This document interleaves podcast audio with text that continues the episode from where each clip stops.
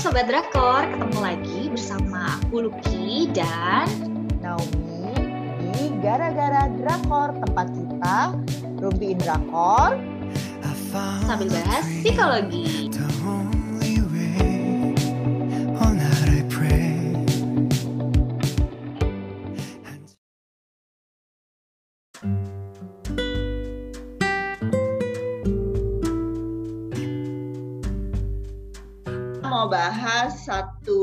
Drama ongoing lagi yang kayaknya sih lumayan or- orang-orang lagi nonton ya. Eh, karena ini drama terakhirnya. Ya karena ini drama terakhirnya Park Bo Gum sebelum dia wamil. Sekarang dia udah wamil sih gitu. Record of Youth Record of You. Gimana ini cerita tentang apa sih, Mi? Eh, ceritanya tuh tentang si Park Bo Gum bentar ya gue liat Park Bo Gum namanya siapa Eh, jadi Hey ini tentang Hey Jun. Heijun tentang si Heijun yang mau meraih cita-citanya dia sebagai artis aktor aktor. Kalau sekarang dia kan cuma jadi model gitu. Dan juga eh, cita-citanya si eh, perempuannya siapa? Jongha ya? Jongha Jongha. sebagai makeup artist gitu. Cuman ini kayak dibumbu-bumbui gitu loh kayak oh ini temennya eh, ada yang tajir dianya kayak harus effortnya lebih gede kayak gitu kalau menurut lu gimana Lucky? Bener, kalau gue tuh pertama sih memang nonton ini gara-gara yang main Park Bo Gum ya penasaran aja gitu kan. Terus eh, awal-awalnya sih tertarik karena oh ini ceritanya tentang ya gue tuh agak lemah gitu bi kalau sama drama-drama yang tentang meraih mimpi gitu. Jadi kayak suka aja gue lihat perjuangan-perjuangan kayak gitu. Tapi pas gue nonton, memang ini tuh kayak keseharian kita banget ya maksudnya ini tuh bener-bener realitas kehidupan banget gue ngeliatnya. Tuh kayak apalagi temennya juga cakep terus tajir ya kan? Jadi lo merasa bahwa lo harus bersaing sama orang yang kayak gitu kan? Lo pasti akan merasa duh iya gak sih? Gue saingan gak sih? Tapi untungnya si Hejun ini kayaknya dia punya sifat yang lumayan apa ya menurut gue menarik ya. Karena dia sifatnya tuh dia nggak terlalu suka berkompetisi. Dia nggak menganggap hubungan persahabatan dia sama temennya siapa namanya? Heyo. Heyo ya? Hey hey yo. Hmm, hey yo. Hey. Heyo. Heyo. Jadi eh, maaf ya kalau salah menyebutkan gue agak lupa sih sebenarnya Heyo apa Heiho nah jadi dia ini eh, menganggap bahwa lo nggak perlu compare sama orang lain. Gue menjalani jalan gue sendiri. Gitu sifatnya si Hejun ini alias Park Bo Gum Oke. gitu. Dan jadi ini tuh kayak dibumbu-bumbui juga sama kayak support dari keluarga mereka tuh yang jauh berbeda. Kayak si Heijun kan kayak ditentang oleh bapaknya nih, kayaknya bapaknya tuh nggak suka banget dia jadi eh, model karena toh dia jadi model juga yang bukan top starnya ya, jadi kayak masih model-model kecil gitu, yang masih naik bis ke mana-mana, terus dia juga masih harus kayak part time di mana-mana kayak gitu. Sementara si Heiho ini tuh udah udahlah tajir, ganteng juga. Terus udah gitu disupport emaknya habis-habisan yang sampai beli followers lah. Pokoknya bener-bener emaknya tuh support habis-habisan. Jadi kayak si Heyo ini tuh kayak punya privilege yang jauh lebih banyak dibandingin si uh, Hejun yang kayaknya harus struggling berkali-kali lipat untuk meraih impiannya yang jadi aktor. Yes, bener banget. Nah, eh, ngomongin soal privilege gitu ya, ini tuh jadinya kelihatan banget di gue lupa kayaknya di episode 1 ya Bi ya yang soal di situ uh, scene-nya tuh nanti ada tentang jadi si sutradaranya lagi mau milih nih jadi dia mau eh, ngerekrutnya Heiho, Heyo atau Heijun. Hmm. Jadi sebenarnya kalau sutradara sih sukanya sama Heijun ya kan, cuman karena link emaknya ya kan? Dan permainan-permainan di balik itu si eh asis entah dia apa sih entah produsernya entah sistem sutradaranya itu berhasil ngomong ke saudaranya ngapain sih kita pakai orang yang belum kita tahu? Mending kita pakai yang terkenal aja. Nah karena si Heyo ini popul- popularitas di Instagramnya tuh lebih Oh, iya, iya, ba- jauh lebih booming gitu daripada Heyo.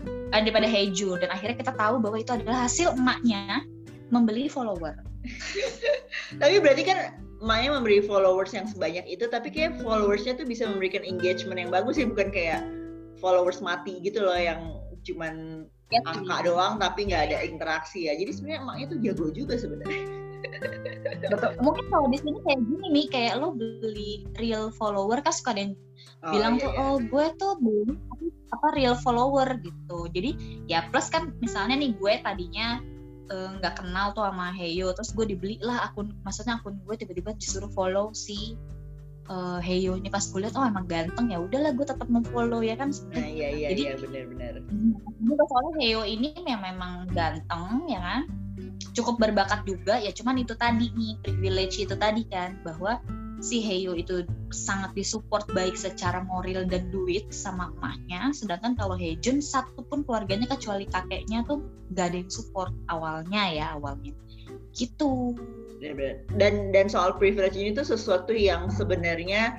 banyak kita temuin sih di dunia nyata dan sehari-hari dan eh, emang itu ada gitu dan dan eh, dan gue seneng sih. Gue berharapnya si Hey Yo ini, Hey Ho ini eh, nggak dibikin tiba-tiba lama-lama jadi jahat ya cuman gara-gara dia punya privilege terus ya maksudnya tipikal yang akhirnya dia jadi jahat lah terus akhirnya yang baiknya menang lah karena eh, akhirnya jadi ngayal banget gak sih kayak gitu?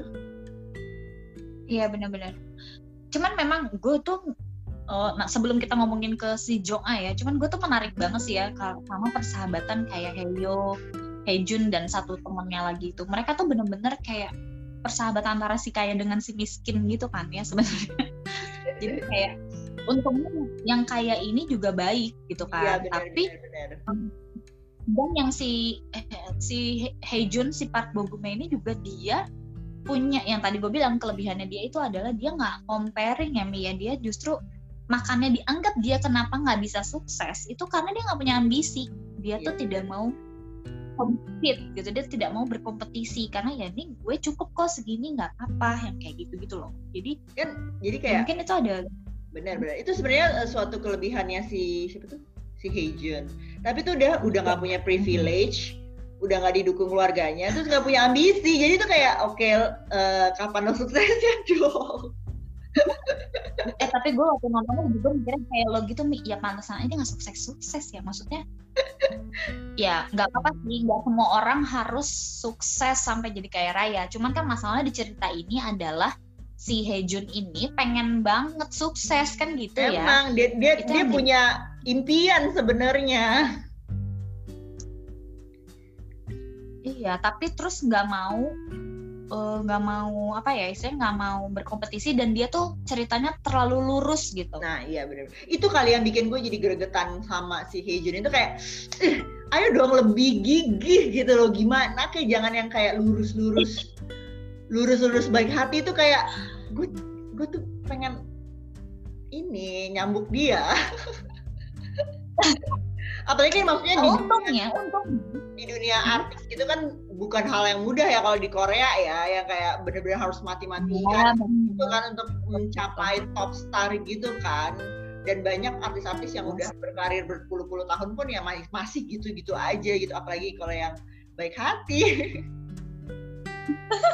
Sebenarnya bukan nggak boleh berhati kali ya Mia cuman kita tuh kayak ngeliat Park Bo uh, Hejun ini tuh kayak yang bener-bener yang lempeng gitu loh. Jadi Iya, bener. dijahatin sama aja dia iya aja. Terus nggak diterima casting dia juga nggak mempertanyakan kenapa ya gue kok nggak terima. Jadi dia tuh nggak ada evaluasinya gitu loh Iya, iya, menurut bener, bener, bener. itu tuh yang kayak kurang greget gitu ya. Hmm, gitu kan. Kalau kayak gue inget ini gue mau compare soal Itaewon Class ya. Itaewon Class kan juga tentang lo meraih mimpi dan punya privilege ya kan? Nah, kalau menurut gue eh, si Seroyi Park Seroyi ini eh, dia tuh karakternya Park Sojun ini dia itu ya selain dia memang punya ambisi plus dia tuh orangnya evaluating banget. Ini gue salahnya di mana ya? Oh gue harus berteman sama siapa ya supaya gue bisa capai ke situ. Nah kalau Park Bogum nih karakternya bener-bener yang udahlah gak ada privilege gak ada ambisi plus dia networkingnya juga cuman gitu-gitu aja gitu. Itu pun nggak digunakan networkingnya ya. Oh ya udah gitu lo bayangin nggak? Ini tuh eh, kita berdua tuh paling sebel karakter yang pasif kan. Terus ini tokoh utamanya pasif. Tuh kayak gemes.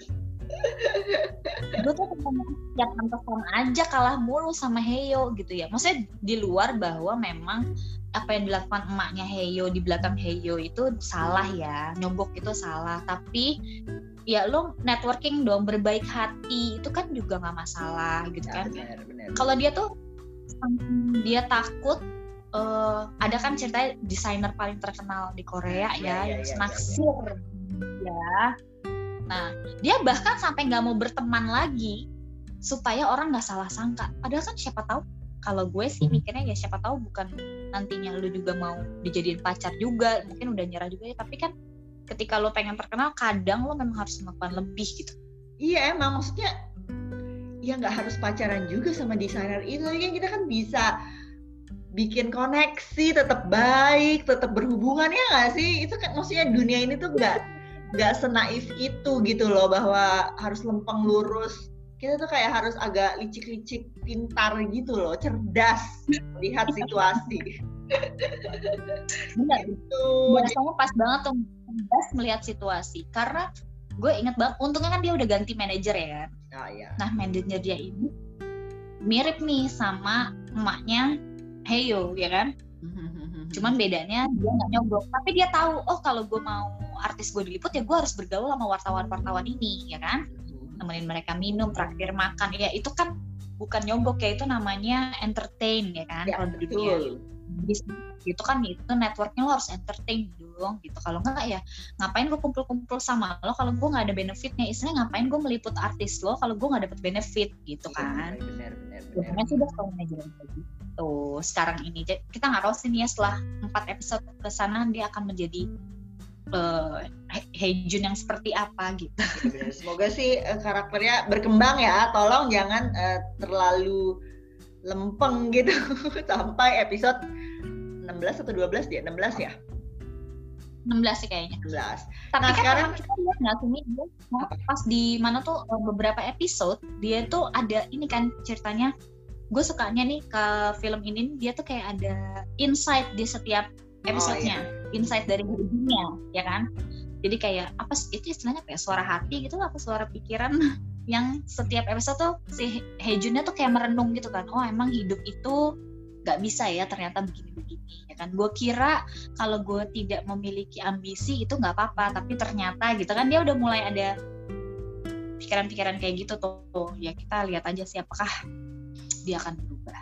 Dan dia tuh mungkin Sekarang- eh, ya karakternya kayak gitu karena ya si bapaknya juga mungkin adalah orang yang suka neken dia dari dari kecil kali ya. Dan dia tuh jadi kayak merasa meragukan mungkin. Jangan-jangan gue memang nggak eh, nggak cocok ada di sini kan karena dia sempat mempertimbangkan untuk wamil juga kan disuruh. Iya betul. Ya gitu. Jadi ya satu keluarga suportif all out banget.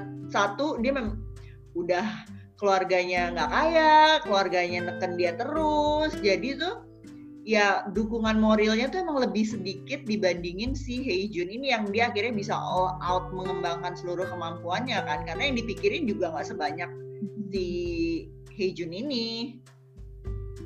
Iya benar. Benar benar tapi gue ngeliat itu ya gue kasihan loh karena gini ya. Kebayang ya dia aja kan sempat doubt ya. Dia sempat meragukan dirinya sendiri bahwa jangan-jangan memang ini bukan jalan gue. Terus keluarganya orang yang dia harapkan mestinya ngasih support dong gak apa kalau lo yakin. Ini enggak lo ya iya kan udah gue bilang dari kapan tahu itu udah bukan jalan lo jangan aneh-aneh deh gitu istilahnya. Padahal kan mestinya keluarga itu adalah mestinya menjadi sumber support yang terbesar ya. Bener bener bener nah sekarang kita ke karakter perempuannya si Park Sodam si Jong Ha ya. Jong Ah apa Jong Ah Jong Ah Jong Ah gitu. Nah kebalikan dari si Park Bogum gue suka banget karakternya si Jong Ah ini karena dia tuh kayak ya walaupun dia disiksa juga ya bukan disiksa sih kayak ditekan sama eh, bosnya ini yang kayaknya ngeselin kayak benci banget sama dia gitu. Tapi dia tuh orangnya tuh kayak lebih santai lebih realistis terus em, lebih apa ya lebih gak tau gue ngeliatnya dia lebih menyenangkan sebagai karakter dibandingin si Park Bogum ini yang kayaknya diem diem diem diem gitu loh. Hmm, hmm, hmm, hmm. Iya benar-benar sih, karena karakter dia kan memang apa ya istilahnya dia dibilang nurut juga enggak ya maksudnya bukan tipe yang bisa dibully gimana-gimana banget tapi ya itu yang lo bilang ya dia realistis dia dia sih pekerja keras ya kayak Ya, dia ya. melakukan apa pun untuk mencapai eh, mimpinya gitu karena kan dia sebelumnya kerja di perusahaan udah cukup lama terus rela untuk eh, apa istilahnya resign untuk menjadi mulai dari awal lagi untuk menjadi makeup artist Iya, hidupnya banyak- irit ya Mi. apa? Hidupnya irit. Iya dia tuh. Tapi emaknya tuh suka yang kayak minta-mintain gitu. yes. Betul. Tapi tapi terus? tapi dianya tuh cukup yang kayak ya eh, kan apa ya ada satu kayak perkataannya dia yang kayak gue tuh nggak butuh deh kayak punya keluarga. Eh, tapi itu eh, kayak orang lain apa ya yang dibilang? Tapi kayak orang lain eh, kiblatnya tuh semua ke keluarga kalau dia tuh enggak gitu dia bilang Nah, benar-benar. Nah itu tuh sedih banget gak sih? Karena jadi memang ini tuh sebenarnya gue jadi mengingatkan ini mungkin karena yang main Park Bo juga ya. Jadi kayak agak-agak rasa reply 1988 ya sebenarnya. Jadi kayak walaupun titik beratnya bukan di hubungan keluarga jadi beda ya kalau reply itu kan hubungan keluarga yang sangat hangat sampai kayak unreal gitu di dunia nyata. Kalau yang ini tuh kayak ya memang realitanya banyak banget parents parents child parents orang tua orang tua yang kayak orang tuanya Pak Bogum tuh ya kan? Yang merasa bahwa anaknya kayak hidupnya masih di zamannya dia waktu muda gitu. Jadi memaksakan pendapatnya dia ya kan? Bahwa di zaman gue tuh nggak bisa begini-begini. Kan udah beda zaman ya pak ya gitu. Mungkin juga Sedangkan dia kalau melihat ke si bapaknya ini yang gagal menjadi model ya dia atau artis ya ya Ya, jadi mungkin dia pokoknya nggak gampang. Iya benar-benar. Jadi mungkin dia takut anaknya akan mengalami nasib yang sama udah sampai setua itu kayak masih ngayal. Iya bener. Nah itu jadi yang gue lihat juga nih. Jadi kayak sebenarnya sih orang tuanya tuh sayang ya sama si Hejun ini. Cuman caranya tuh bener-bener jadi merendahkan banget gitu. Iya benar. kayak yang dianggap malah membuat dia jadi nggak percaya diri. Gitu. Iya benar. Nah sedangkan ya yang keluarganya Jong A kan yang itu yang kayak anak dijadikan ATM. Kayaknya si Oh, Jong itu. A tuh kayak eh, interaksi di keluarga itu kayak nggak nggak ada. Yang penting pokoknya uangnya lancar gitu. Kalau di keluarganya si eh, si Park Bo Gum ini dia sebenarnya keluarganya itu cukup dekat karena kan tinggal satu rumah semua gitu. Tapi ya itu saking terlalu akrabnya jadi kayak terlalu protektif, terlalu ngontrol, dominan gitu. Jadi akhirnya tidak memberi. Mungkin itu juga yang membuat akhirnya si eh, Jong Hun ini tuh jadi nggak nggak apa ya ragu-ragu setiap mau ngambil keputusan atau kurang ambisius mungkin ya itu tadi karena dia mungkin juga ragu dengan kemampuannya karena ya orang tuanya kayak gitu kan sangat Ya ya banget. protektif ke dia bener-bener bener. plus ini yang gue gue, gue lihat dari empat episode awal ini adalah ini orang tuanya Hejun ini si Park Bo Gum sangat suka comparing. Nah Jadi- bener. dia selalu di compare dengan kakaknya. Kayak kakak lo dong kayak kakak lo dong. Mungkin itu juga kali ya membuat dia akhirnya gue nggak mau dibanding bandingkan dengan siapa pun. Gitu. Gue ya gue gitu loh bener bener, tuh bener. jadi dia Ya, udah gitu kakaknya juga nyebelin lagi udah gitu sebenarnya kakaknya juga gak keren-keren banget nih. bahkan di tempat Emang. kantor pun dia staff yang menyebalkan bener bener cuman mungkin dia ya kerjanya lebih jelas dibandingin si si Jun ini ya nggak sih yang, Iya. yang apa pegawai bank Iya kan, kalau dia tuh kayak model dengan part time yang banyak, jadi kayak apa sih kerjaan? Lo? Udah gitu jadi model nggak kayak kita pikir kayak di Indonesia gitu yang kayak mewah gitu yang model apa ya dia model apa majalah apa nggak tahu. Yang uangnya juga suka Oh, buat transfer. doang. Iya makanya. Jadi tuh Iya, ya wajar sih kayak selama bertahun-tahun akhirnya orang tuanya itu jadi kayak meragukan eh, keputusannya dia karena memang belum kelihatan gitu titik terangnya betul betul betul. Gue juga kalau jadi apa maksud gue gue paham sih sisi orang tua yang sangat ya udahlah lo udah mau lo udah 28 tahun makanya udah dipanggil wamil ya kan? Uh, lo mau sampai kapan kerja mimpi yang gak dapet dapet ini? Oh yolah kan gue inget banget tuh kata-kata ibunya ya bahwa menyer menyerah pun butuh keberanian ya kan? Ya betul gitu mengatakan bahwa oke okay, gue menyerah. Itu butuh keberanian. Bener juga sih kadang mengejar mimpi kan juga yang gue nggak tahu sih apakah ada batas waktunya atau enggak ya tapi kan ketika lu harus bertemu dengan realita bahwa nggak semua hal yang lo passionate itu bisa menjadi mata pencaharian ya lo kadang memang harus But deal with it sih ya iya bener. Mungkin kalau dia kelihatan greget banget banget mungkin kita kan ayo go for it aja gitu. Tapi kan ya itu tadi mungkin uh, kalau dilihat dari dianya yang lurus-lurus lempeng aja ya wajar orang tuanya jadi meragukan dia 28 tahun Bo. Ya kan? Kalau dia masih di usia 20 tahunan dia masih mau ngejar kayak gitu kan ya oh ya udah silakan gitu.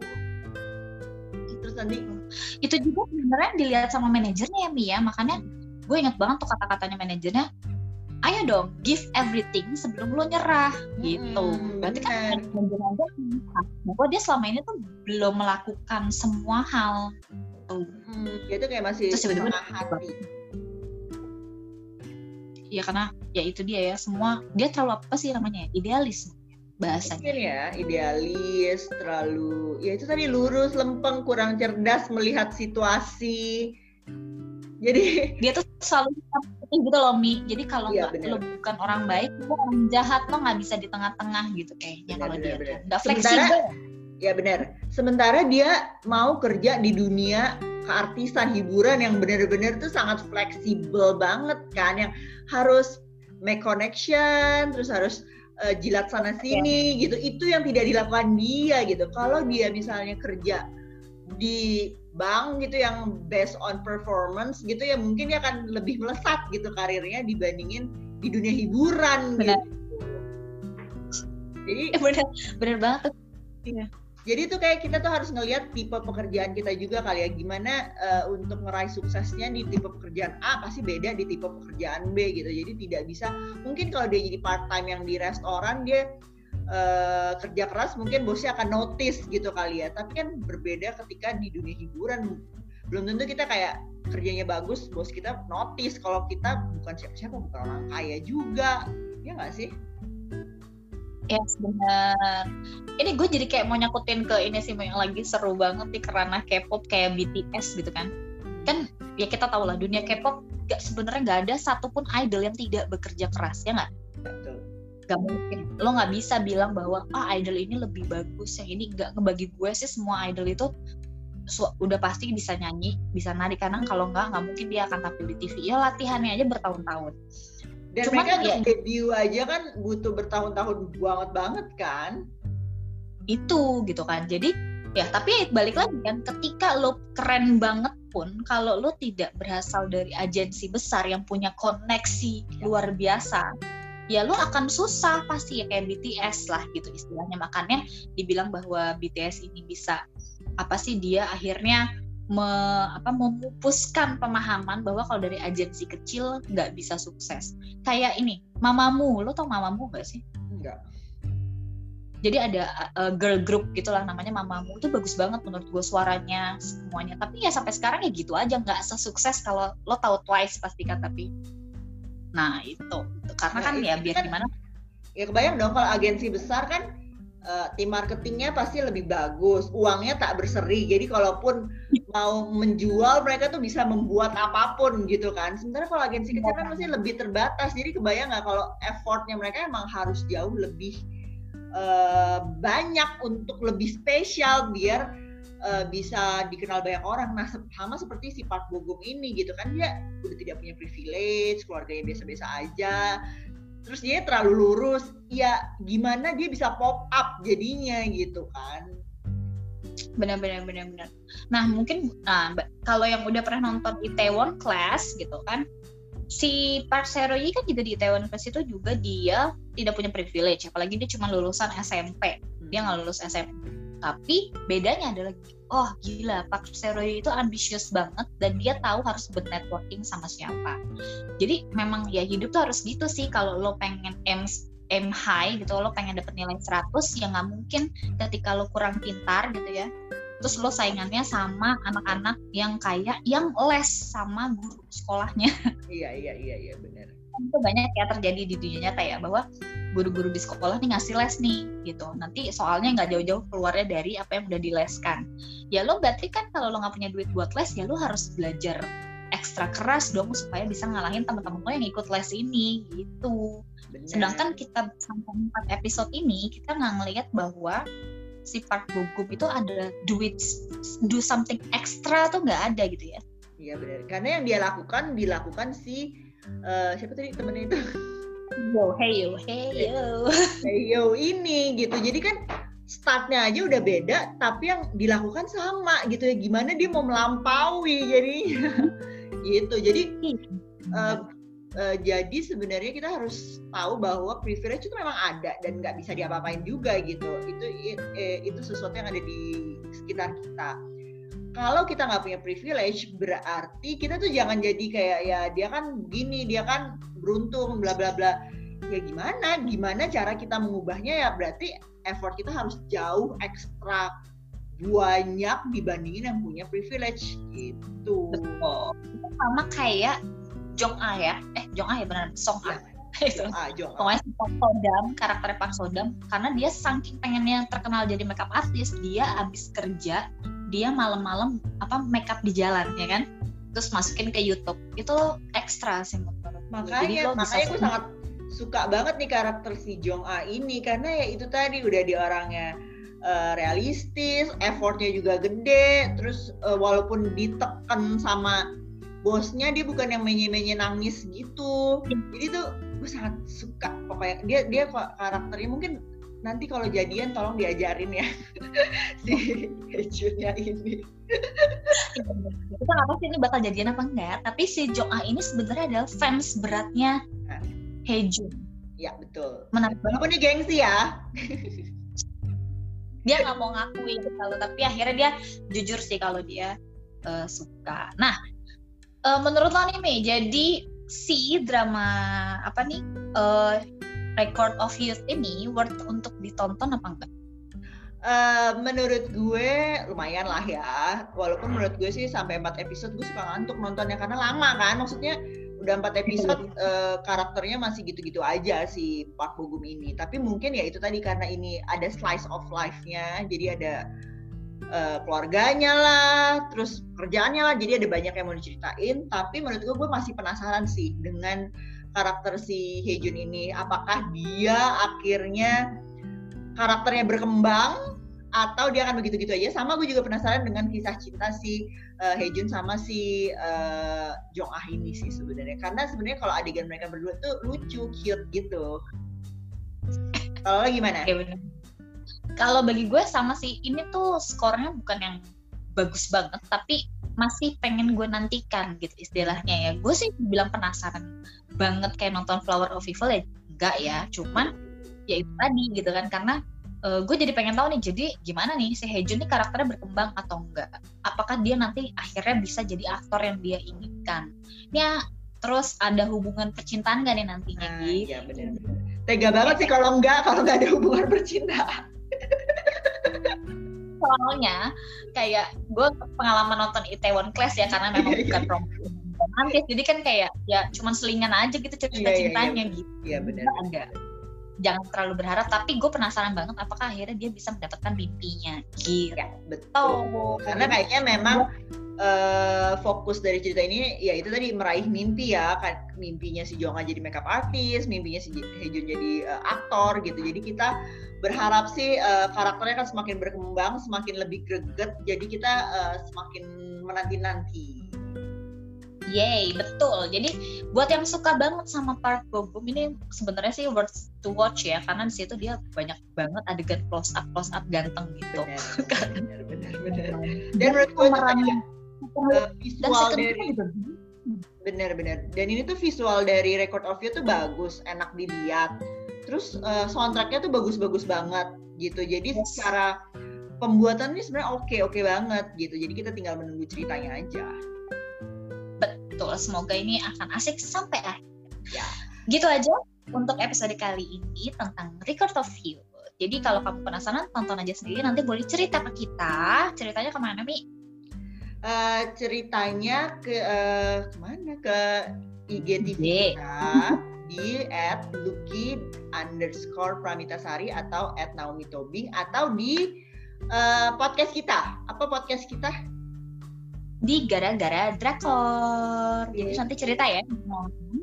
Menarik apa enggak? Dan menurut kalian, dapat nggak nih dia jadi terkenal banget sebelum akhirnya dia harus wamil? Ya betul. Oke sampai ketemu di episode selanjutnya. Dah. Wah.